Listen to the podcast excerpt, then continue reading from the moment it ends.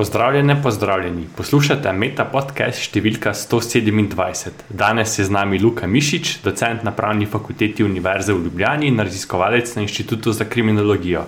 Do nedavnega pa še mladi raziskovalec. Živijo, Luka, kako si? Zdravo, Marko, znosno pripravljam surf za tretji val epidemije. Hvala za odgovor. Eh, zdaj, preden se lotiva teme eh, današnjega podcasta, ki bo družbeno-pravno obarvana, podrobneje pozneje, me zanima uh, nekaj bolj splošnega. In sicer do nedavnega si bil še mladi raziskovalec, danes si mladi docent. Oboje v Sloveniji, predvsem zadnji rezultat trdega dela. Imaš mogoče, preden začneva s tematiko podcasta, za naše poslušalke in poslušalce, za inspiracijo, kakšen nasvet, kako se soočati na karierni poti, predvsem kot mladi znanstvenik, pa potem kot sedaj, kot nekdo, ki je vstopil v neke večje čevlje. Ja, zdaj, Marko, uh, če si predstavljamo to kot neko pot od mladega raziskovalca do asistenta z doktoratom in potem docenta, se mi zdi, da si je treba določiti nek jasen cilj, relativno jasno pot, kako ta cilj, recimo habilitacijo v naziv, imenovanje v naziv docenta, doseči glede na habilitacijska merila, seveda ob spoštovanju vodila naj kakovost pride pred količino in da naj se ne objavlja nekih zadev, ki so same sebi namen in fino je, da imaš nek časovni okvir, eh, v katerem želiš ta cilj doseči. Zdaj je pa tukaj še ena pomembna okoliščina, na katero pa posameznik nujno nima vpliva in to je gotovo vsaj ali predvsem v času eh, opravljanja dela mladega raziskovalca odnos z mentorjem, Sam sem imel srečo, da so z mentorjem odlično sodelovali, še zdaj sodelujejo, vse skozi me spodbujal, vključeval eh, v različne projekte, dejavnosti in tako naprej. Eh, vemo pa, ne, verjetno si tudi ti seznanjen s kakimi primeri, da nekateri mentori svoje mlade raziskovalce obravnavajo kot fikuse, to je, da nekajkrat letno preverijo, če so sploh še živi, ali pa jih po drugi strani, ali pa nekoliko drugače, posebno nesorazmerno obremenjujejo s pogosto nekoristnim delom, delom, ki bi ga glede na pogodbo za poslitvi, ki jo imajo sami sklenjeni in glede na plačilo za delo, morali opraviti sami. Jasno, moja izkušnja je bila posebno nasprotna tej opisani. Uh, dopuščam pa, da je posameznikom, ki se znajdejo v takšni, uh, takšnem položaju, uh, da je za nje pot mnogo, mnogo težja in lahko v bistvu le sočustvujem z njihovo stisko na nek način. Za uspešno raziskovalno delo je doktorska disertacija nekakšna vstopnica, tako zelo radi stereotipizirano vsi govorijo. Mene pa zanima, uh, s čim si se ukvarjal, oziroma če vključimo tudi širšo družbeno dimenzijo, ali je sistem zavarovanj v Sloveniji pravičen. Cilj je bil narediti nek v bistvu metodološki ali pa širše preskok ali pa združitev, kako v bistvu eh, neke temeljne izhodišča, temeljne predpostavke eh, politične filozofije povezati ali pa aplicirati na področje, torej veljavno področje eh, prava, socialne varnosti in zato združitvijo priti do nekih izsledkov, ki bi pomagali zakonodajalcu pri nadaljem normiranju družbenih razmerij na tem področju. Um, zdaj, enoznačnega odgovora na socialno pravičnost ali nepravičnost ureditve ni. Ne? Zdaj, izzivi, ki se pa dan danes kažejo, nekaj, kar pa ponujajo sami od sebe, uh, so povezani recimo z javnim zdravstvom, v katerem pravico uveljavljamo na račun obveznega zdravstvenega zavarovanja. In javno zdravstvo se gotovo sooča z izzivi časovno učinkovite nedostopnosti ali pa časovno učinkovite dostopnosti, kakorkoli želiš. Preskakovanje vrst pri zasebnikih ali pa z nekim načrtovanjem zdravljenjem v tujini, uh, to je pogosto pri državno-socialno-ekonomsko močnejšim posameznikom, bolje informiranim posameznikom. Zdaj, en primer uh, popolno neprimerne ureditve je naprimer ureditev denarnega nadomestila za primer brezposobnosti, ki vemo, da je omejeno za socialno kapico 850 evrov in v bistvu uh, na nek popolnoma neprimeren način ruši vsakršno sorazmernost med načinom življenja, ki ga je posameznik imel pred brezposobnostjo v brezposobnosti. Če seveda govorimo recimo za prejemnika poprečne slovenske plače. Zdaj, slovenski zakonodajalec se bo moral gotovo, kljub širokemu polju proste presoje, ki ga uživa na področju, nekako soočiti z odsotnostjo zavarovanja za dolgotrajno oskrbo, sicer se bo, po mojem mnenju, kmalo znašel znotraj protiustavne uh, praznine. Lahko bi govorila tudi o dopolnilnem zdravstvenem zavarovanju, o možnostih, pa ne z možnostih dela po upokojitvi, ne na zadnje o tako imenovanem prisilnem upokojevanju, ki je zdaj aktualno, uh, ampak morda kdaj drugič. Eh, hvala za te odgovore. Predvsem si pa nam nakazal na neko dimenzijo, ki jo bo treba nedvomno še podrobneje nasloviti. Ampak, če se vrnemo en korak nazaj, pa se osredotočiva predvsem na perspektivo zdravstvenega zavarovanja. Omenil si preskakovanje vrst, pa če postavim vprašanje na drugačen način. Ali misliš, da je sistem pri nas pravičen tudi do tistih, ki si ne morejo privoščiti zasebnika, oziroma ki nimajo te možnosti preskakovanja vrst na rokovajih ali dobesedno, predvsem gledano širše z perspektive tako imenovane pravne in socialne države. Ja, zdaj sistem, kot ga poznamo, je gotovo, gotovo zastavljen, pravno, formalno dobro zastavljen. Jasno, ima nekatere, nekatere pomankljivosti, problem je, glavni problem je pač neka materialna podhranjenost uh, javnega zdravstva ali, če želiš, obveznega zdravstvenega zavarovanja, kjer bi nujno morali iskati neke alternativne vire financiranja, oziroma bi država ne na zadnje morala prevzeti uh, ustavno obveznost skrbeti za tudi to vejo socialnega zavarovanja.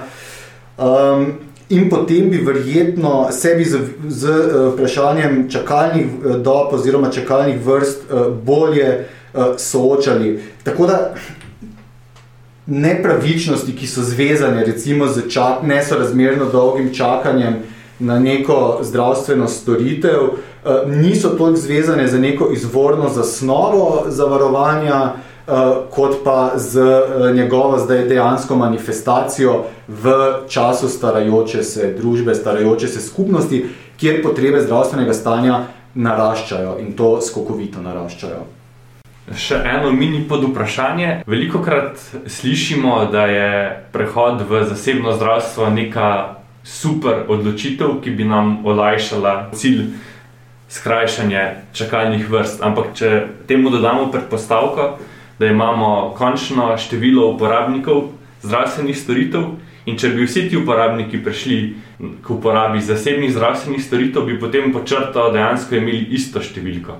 Dejstvo je, da posamezniki se ne nahajajo v nekem socialno-ekonomsko ugodnem položaju storitev pri zasebnikih, eh, enostavno ne morejo uveljavljati ali pa jih lahko uveljavlja res, res redko. Eh, zdaj, jaz nikakor nisem proti omejevanju, za, za omejevanje zasebne gospodarske pobude na področju zdravstva. Nasprotno, sem pa za to, da sistema obstajata ločeno in da imamo takrat, ko normiramo ureditev javnega zdravstva, pred seboj položaj socialno-ekonomsko šipkejšega posameznika, ki storitev pač ne more uveljavljati pri zasebniku. Naj ostajata uh, ločena na način, da je zasebni sistem tisti, ki nudi nek nadstandard, da pa je na vse potrebe zdravstvenega stanja odgovorjeno pravočasno in kakovostno tudi in predvsem znotraj uh, javnega sistema. Ne, sicer uh, se v bistvu neka družbena pogodba, ki je utemeljena na načelu solidarnosti med vsemi člani skupnosti, uh, neodvisno njihovih osebnih okoliščin, gmotnega položaja, poruši. Sedaj lahko preidemo na to, kar bo najverjetneje clickbait v naslovu. In sicer, kako v splošnem naslavljaš izziv, ki se veže na pravice pacijentov z naslova zdravstvenega zavarovanja v času aktualne krize. Torej, verjetno meriš na omejevanje nekaterih storitev zdravljenja ali pa omejevanje dostopa do storitev zdravljenja za nekatere pacijente na račun tistih, ki so bili, uh, ki so se znašli v položaju, ko so potrebovali zdravljenje zaradi COVID-19. Tako je, predvsem na to, sploh pa gledano širše perspektive, ker recimo lahko v medijih razberemo vse možne informacije, vendar je ravno to, kar si sedaj izpostavil, tisto, kar je rdeča nit tega vprašanja, se pravi, kaj je z omejevanjem tako imenovanih najnujnih storitev. Ja, zdaj, glavno vprašanje je, kaj je nujna, kaj je ne nujna zdravstvena storitev. Menim, da bi vse potrebe zdravstvenega stanja, ki imajo enako stopno nujnosti, morale biti obravnavane enako, neodvisno od vrste bolezni, poškodbe, ki je pripeljala do tega zdravstvenega stanja. Eh, in se mi zdi, da je tudi v času, predvsem v prvem valu epidemije, sistem uh, bil torej vzpostavljen, pa pravila so uh, razmere uredila na način, da so bile uh, omejene tiste storitve zdravljenja, ki so odgovarjale na neka manj nujna zdravstvena stanja. In, in z tega zornega kota je ureditev v bistvu eh, primerna, nujna, verjetno tudi sorazmerna. Njena glavna past je ta, da pa lahko neka ne nujna zdravstvena stanja, in to gotovo lahko potrdi medicinska stroka, vendarle razkrivajo neke potrebe zdravstvenega stanja, ki pa so nujne. In bi se v nekih normalnih časih, onkraj epidemiološke krize, zdravstvene krize, izkazala, pa se zdaj niso. Ne, ta davek pa bo normodajalec verjetno uh, plačeval za nazaj, šele čez nekaj časa, uh, ko se bo ta, ko se bo ta uh, izkazal. Um, in tukaj bo jasno vprašanje, ali je zakonodajalec, normodajalec naredil dovolj v smislu, da bi recimo lahko na mesto, da je omejil nekatere storitve zdravljenja, da bi bolje ali drugače razpolagal z neko infrastrukturo, zaščitnimi sredstvi uh, in tako naprej. Uh, kar pa mu je treba jasno priznati, pa je, da je zdravstvena kriza, predvsem v prvem valu, presenetila torej ne le nas, temveč uh, cel, cel svet. Ključna beseda, ki se v navezavi na to, predvsem v tem času, pojavlja, je triaža. Kaj je pravzaprav triaža? In a nam lahko mogoče poveš kaj več o teh stereotipiziranih primerih triaže in teh, ki so sedaj dejansko v praksi zaživele? Ali lahko v navezavi na triažo govorimo tudi o neenaki obravnavi pacijentov? Triaža je v bistvu nek postopek ali pa skupek pravil, ki urejajo posameznikov prednostni ali pa časovni dostop do nekih storitev zdravljenja, glede na potrebe zdravstvenega stanja, ki jih ima v danem trenutku. Ne, zdaj, triaža Marko je na nek način v širšem smislu tudi to, uh, kakšna stopna nujnosti bo zvezana za neko tvojo napotnico, ki ti jo izda uh, osebna zdravnica ali pa osebni zdravnik ali pa nek napotni specialist. Ne, na nek način v širšem smislu tudi to jasno triaža, tvoje potrebe zdravstvenega stanja in neki časovni trenutek uveljavljanja storitev zdravljenja. Zdaj, ti učbeniški primeri so pa jasno primeri, enega medicinsko-tehničnega pripomočka, recimo naprave za umetno predihavanje, in dveh pacijentov, ki to napravo potrebujeta, da bosta uh, preživela, ne? ali pa da ne bo prišlo do bistvenega poslabšanja uh, zdravstvenega, zdravstvenega stanja. Um, triaža teče, kolikor sem se pogovarjal z kolegi. To je stalna in popolnoma normalna praksa, jasno, ki pa se je v času zdravstvene epidemiološke krize, ko so ti neki morda prej učbeniški primeri začeli trkati na vrata realnosti, se pa znašla pod nekim drobnogledom. In zakaj je lahko razumljena kot neenaka obravnava? Jasno, ker je pač nekemu pacijentu, neki osebi neka pravica odrečena, oziroma je ne more uveljavljati v času, ko bi jo sicer uveljavljal. O neenaki obravnavi v tem primeru, ki je pa nedovoljena, bomo govorili pa takrat, ko bi neki popolnoma mehanicistični eh, kriteriji razdelitve prevladali nad celostno presojo zdravstvenega stanja posameznika. Naprimer, ko bi nekdo, nekomu zdravje bilo odrečeno samo zaradi eh, zdravljenja, bilo odrečeno samo zaradi osebne okoliščine starosti ali pa neke druge osebne okoliščine, ne na podlagi presoje njegovega zdravstvenega stanja in zdravstvenega stanja nekega drugega, morda mlajšega pacijenta, katerega zdravstveno stanje pa morda kaže na manjše izglede za učinkovito zdravljenje z neko metodo, ki jo imamo samo v eni ali pa omejeni enoti. Kako bi nastavil vprašanje, ali sta se sedaj pravzaprav pravo in medicina rašla ali združila skozi perspektivo triaže? Pravo in medicina gotovo ostajata združena, ostajata združeni tudi tukaj. Pravila medicinske in pravne stroke jasno ostajajo soodvisna. Zdaj, razdružitev na teh uh, nekih učbeniških primerih triaže ali pa na primerih, ki izhajajo iz neke epidemiološke zdravstvene krize. Zdaj, ta razdružitev je navidezna, verjetno pa nastopi kot posledica dejstva, da neki izjemni položaji, ki jih v normalnih časih pač ne poznamo, eh, terjajo neke izjemne odločitve. Tudi take, ki pač pomenijo, da je nekemu pacijentu, ki potrebuje zdravljenje, to zdravljenje tudi lahko eh, ne oduzeto, ampak eh, omejeno, do njega ne more dostopati. In zdaj v teh primerih, sploh kadar bi lahko govorili o končni posledici nekega drastičnega poslabšanja zdravstvenega stanja ali celo smrti, je pa vendarle bistveno in kot pravi ne, naj kolega uh, profesor Matjaš Ambrož, da pravo od zdravstvenih delavcev v teh nekih izjemnih okoliščinah zdravstvene krize ne pričakuje nemogočega ravnanja in ga tudi ne pričakuje. In tukaj morda ta navidezna ločitev ali pa emancipacija pravil triaže od pravil prava, ampak še enkrat je samo navidezna. V navezavi na emancipacijo, dve domeni se v zadnji času zelo izpostavljata. In sicer to sta domeni, ki naslavljata javno zdravje in javno varnost. In če sedaj te dve domeni eh, predstavimo v perspektivo smiselnosti policijske oziroma epidemiološke ure, kakšen je tvoj pogled na to v upoštevanju vsega, kar si ravno kar povedal? Vsak poseg eh, v posameznikove temeljne pravice in zdaj neka policijska, epidemiološka, kakršna koli ura, to je gotovo predstavlja, predstavlja tak poseg, um, mora biti primeren in nujen.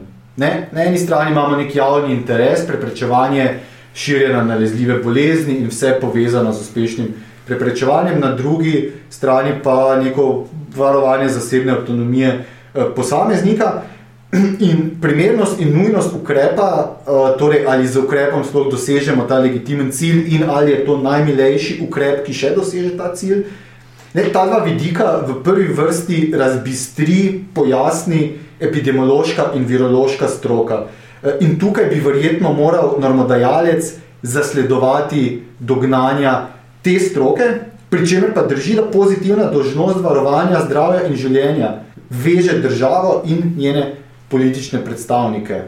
Navezavi na normodajalca, pa navezavi na javno zdravje, se v zadnjem času pojavlja še eno vprašanje, ki ga bom postavil tudi tebi. In sicer uh, to vprašanje nastavlja imuniteto celotnega bolnišničnega osebja, ki se je sedaj nedvomno izkazalo. Nedvomno smo lahko imeli polno vprašanje na temo javnega, zasebnega, hibridnega zdravja v Sloveniji. Vsekakor pa je bolnišnično osebje odraz tega, da je število žrtev čim nižje. In sedaj, če to povežem z imuniteto in na vprašanje, ki je pogosto tudi odprto, kako je z imuniteto bolnišničnega osebja in zakaj se mogoče zdi, da bi imuniteto potreboval edino normodajalec. Zdaj, vprašanje imunitete zdravstvenih delavcev, ki se je sprožilo pred nekaj meseci, to je v bistvu vse skupaj ena, se mi zdi, velika predstava za javnost ki ja, je na, neki, na nek način legitimno kazala na stisko zdravstvenih delavcev, v kateri so se znašli. Ampak vendarle, v prvi vrsti predstava za javnost. Uh, in ki je v bistvu vprašanje imunitete zdravstvenih delavcev v zdaj času neke zdravstvene krize, je pravno na nek način odvečno, ker pravna pravila prav v teh izjemnih okoliščinah bodi si izključujejo protipravnost ravnanja nekega zdravstvenega delavca, torej neke preizpostavljene strokovne standarde eh, pravilnega, zadostnega ravnanja prilagajajo tem izjemnim okoliščinam, ali pa izključujejo krivdo zdravstvenega delavca, če so neki standardi bili prekršeni in je ta kršitev jasno rezultat izjemnih okoliščin, ki so onkraj uh, odgovornosti krivde zdravstvenega uh, delavca. Torej, v tem smislu pravo že pozna institute, ki v bistvu uh, to razpravo naredijo uh, odvečno, še enkrat, potrebno pa je razumeti stisko zdravstvenih delavcev. Zakonodajalec pa je mimo nekega posredno povezanega vprašanja odškodninske odgovornosti države, uh, ne, kjer je zdaj vez zakonodajalcem, ni zdaj popolnoma, popolnoma tesna, ne gre za neko širše vprašanje. On je za svoje ravnanje v prvi vrsti odgovoren politično. Zakaj pa se takšna odgovornost v Sloveniji izkaže le redko ali skoraj uh, nikdar? Ne? To je pa vprašanje za strokovnjakinje politoloških, socioloških znanosti. Uh, žal ne za me, ali pa na srečo ne za me. Ja, povsem razumljivo. Uh, sedaj pa prehajamo še v drugi, oziroma ja, v drugi del uh, tega najmenjega prvega sklopa vprašanj. In sicer to je del, kjer eh, jezika ne postavimo v kot, ampak ga damo v spredje in to je jezikovni kotiček. V navezavi na tvojo dizertacijo, sedaj bo šla v malce bolj splošne vade spet. Me zanima, katera besedna zveza, termin, izraz ali karkoli, da ti tekom pisanja povzročala ali pa povzročal največ sivih las. Pozor, vnaprej pripravljena šala. Kot vidiš, nimam posebnih težav z sivimi lasmi, očitno je šlo za izgubo las zaradi terminoloških vprašanj in zagad, eh, ki pa jih pravzaprav ni bilo. Eh, z njimi se bolj srečujem, mogoče pri delu v okviru uh, tako imenovane terminološke skupine na pravni fakulteti. Zdaj, glavne neke težave za gonetke so bile povezane z prevajanjem celotnega terminološkega korpusa uh, anglosaške, anglosaksonske politične filozofije, kjer pa sem si lahko zelo dobro pomagal z izvrstnim slovenskim prevodom voda v sodobno politično filozofijo Willa Kimlike, torej on je avtor, uh, in Rolsove pravičnosti kot poštenosti. Uh, in tukaj je bilo zame v bistvu veliko dela že opravljenega in sem se v pretežni meri Eh, kar skliceval na te izvrstne prevode. Terminološka sekcija, to si omenil, si eden izmed glavnih akterjev pri nastajanju velikega terminološkega slovarja na pravni fakulteti. Zakaj gre, kako težko je prevajati že nekatere zelo uveljavljene pojme, in potem še dve bodo vprašanji, tako da boste dve muhi na en mah, kdaj bo stvar končana. Zdaj, vsaj eno muho upam, da bo lahko na mah. Terminologija je, kot si sam rekel, uveljavljena. Ne? In zdaj, bolj kot je pri pravnikih neka zadeva uveljavljena, bolj se oklepamo. In zdaj, spostavljeno pravno terminologijo je včasih zelo težko pretresti z nekim novim terminološkim dogovorom, ali pa enostavneje z nekim vsebinsko primernejšim prevodom. In mi se trudimo to narediti na način, da bodi si nek prevod postavimo na prvo mesto, in na drugo mesto tistega, ki je morda tisti, ki se uporablja v praksi, jih rangiramo, ali morda celo kakšnega, za katerega pa res mislimo, da je neprimeren, pa čeprav je vzpostavljen, izpustimo in predlagamo novega. Oziroma, v bistvu strokovno, dobro pretehtano določimo novega. Uh, zdaj, nek vmesni izdelek, upam, da bo na voljo v naslednjem letu. Naš cilj je naraščajoča e-oblika. Um, tako da zdaj naraščajoča oblika verjetno ni končna, razen takrat, ko zmanjka prostora na trdih diskih. Sem pa prepričan, da bo naše aktivnosti razvoj tehnologije tukaj prehiteval. Sem navdušen nad obliko in nad delom, ki ga opravljate, oziroma ga opravljaš. Uh, sedaj pa se di še zadnji sklop današnjega podcasta in sicer uh, gre za serijo vprašanj, kjer si si izbral pet vprašanj. In če sedaj začneva s prvim izmed teh petih. Kako so se od upisa do danes spremenila tvoje pričakovanja glede doktorskega študija in ali bi se ponovno upisal na doktorski študij? Ja, ja, zdaj um, doktoriral sem pred dvema letoma in na ta doktorat sem na nek način, kot si ti že na začetku povedal, gledal kot na neko stopnico v poklic, ki sem si ga pač tako močno želel upravljati in v njem uživam. Uh, imam to srečo, da, to srečo, da uživam še danes, torej dve leti, dve leti kasneje. V luči tega bi se za doktorski študij gotovo še enkrat uh, odločil. Um, najbrž bi se zanj odločil tudi uh, sam. Mostojno takrat, kadar bi delal v neki odvetniški pisarni ali pa na področju svetovalne dejavnosti, kar bi bili neki moji backup možnosti, vprašanje pa je, če bi študij uspel uh, zaključiti v roku. Kaj boš počel čez 5 in kaj čez 40 let, v navezavi na to, kar smo slišali? Čez 5 let, jaz upam, da bo to že prej.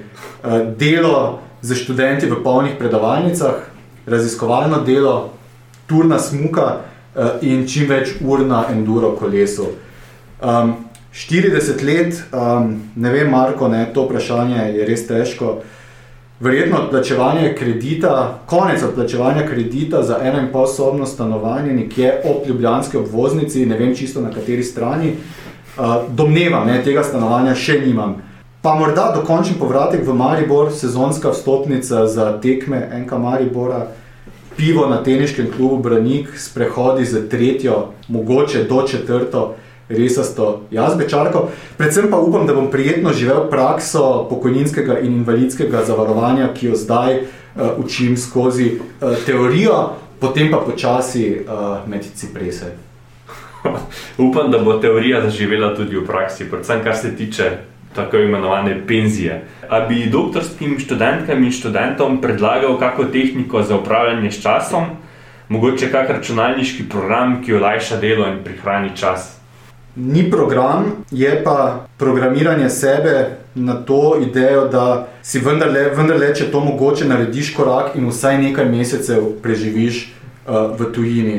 Uh, Erasmus izmenjava, uh, Utrehska mreža mobilnosti, štipendije pri posameznih institucijah, ne, recimo Max Planck štipendije in tako naprej. Z temi odhodi v tujino, sam sem približno pol leta preživel v tujini v treh etapah, je mogoč odklop od vsakodnevnih obveznosti eh, in pač pospešeno pisanje doktorata. Ne, to je zdaj gotovo mogoče za družboslovje, humanistiko, če si vezan na laboratorij neke stroje, naprave, kakorkoli, ne vem, ne, to je praksa drugih disciplin, o katerih vem uh, bolj malo. In tukaj čisto praktično svetujem tri obiske. Enega tik po pripravljeni dispoziciji za v bistvu masovno zbiranje literature, drugega za neko pospešeno vsakodnevno pisanje in res samo pisanje doktorata, in potem tretjega za finiš in zasluženo sprostitev.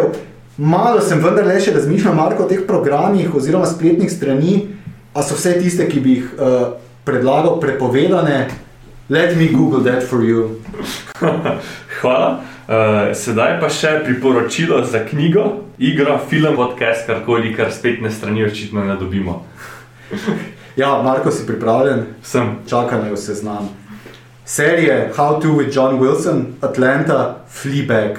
Srečni poraženec, Barry, častitljiva omemba, Master of None. Filmi Melankolija, The Square, The Lobster, Srečni poraženec, Sorry We've Missed You, častitljiva omemba, Blessed from the Past, klasika Lost in Translation. Knjige, zapiski iz mrtvega doma, Dostojevski, uh, jasno, slovenski prevod, uh, Beretrina, Weapons of Mass Diplomacy, kar je stripovski, uh, stripovski roman, Lanzak Blaine, uh, oziroma Lanzak nastopa pod pseudonimom. Uh, The Strains of Commitment, to je strokovno delo, Bending Kimnika sta ga bila uredila, uh, srečni poraženec, uh, Ničla, Kureiši in častitljiva, časna omemba, uh, relativno novo delo, uh, Norci, Pomorci, Vukšič, Vukšičič, če se ne motim. Albumi, ki jih dodajam, ne Marko, ne moremo brez glasbe, morda bi Metina lista lahko tudi dodala kategorijo upodabljajočih umetnosti. Mr. M, Lamp Chop, čez nekaj mesecev nov album, Your Blues, Destroyer, Blond, Frank Ocean, posvečam tebi, Marko. Srečen poraženec, srečna, zelo srečna poraženka, predvsem za slušatelje, Fetch the Bolt Cutters, Fiona Apple in častitljiva, časna memba Set My Heart on Fire Immediately, Perfume Genius. Hvala, vzeto na znanje. Bomo tudi to sekcijo malce razširili in dali priložnost, da se sliši, če ne celo vidi kaj več na to temo. In sedaj še zadnje vprašanje za piko na i. Koga od nam znanih ali neznanih bi povabil na večerjo, če ne bi bilo nobenih omejitev? Ja, zdaj ti si vabo Bill Gatesa, jaz sem tukaj bolj skromen, ali pa tudi ne. Uh, povabil bi za konca Božič Steinpichler, zdravo Vesna, zdravo Tinen. To pa zato, ker je to bila zadnja dogovorjena večerja, uh, ki je potem odpadla zaradi drugega vala epidemije. Hvala, Luka, za prijeten pogovor, prijetno druženje in upam, da ponovimo to druženje tudi v obliki brez mask. Tako, Marko, komaj čakam. Poslušali ste Meta podcast, v katerem se pogovarjamo z mladimi znanstvenicami in mladimi znanstveniki iz različnih področji znanosti. Podcast domuje na spletišču metinalista.si, kjer najdete tudi druge zanimive znanstvene vsebine. Naše delo lahko podprete z donacijo Metini listi, pohvale, pripombe in predloge lahko posredujete na elektronski naslov znanost afnametinalista.si. Dobrodošli so tudi komentarji na Facebook profilu Metina Liste in Twitter računu, ki še ni izbrisan. afnametinalista.si se slišimo čez 14 dni.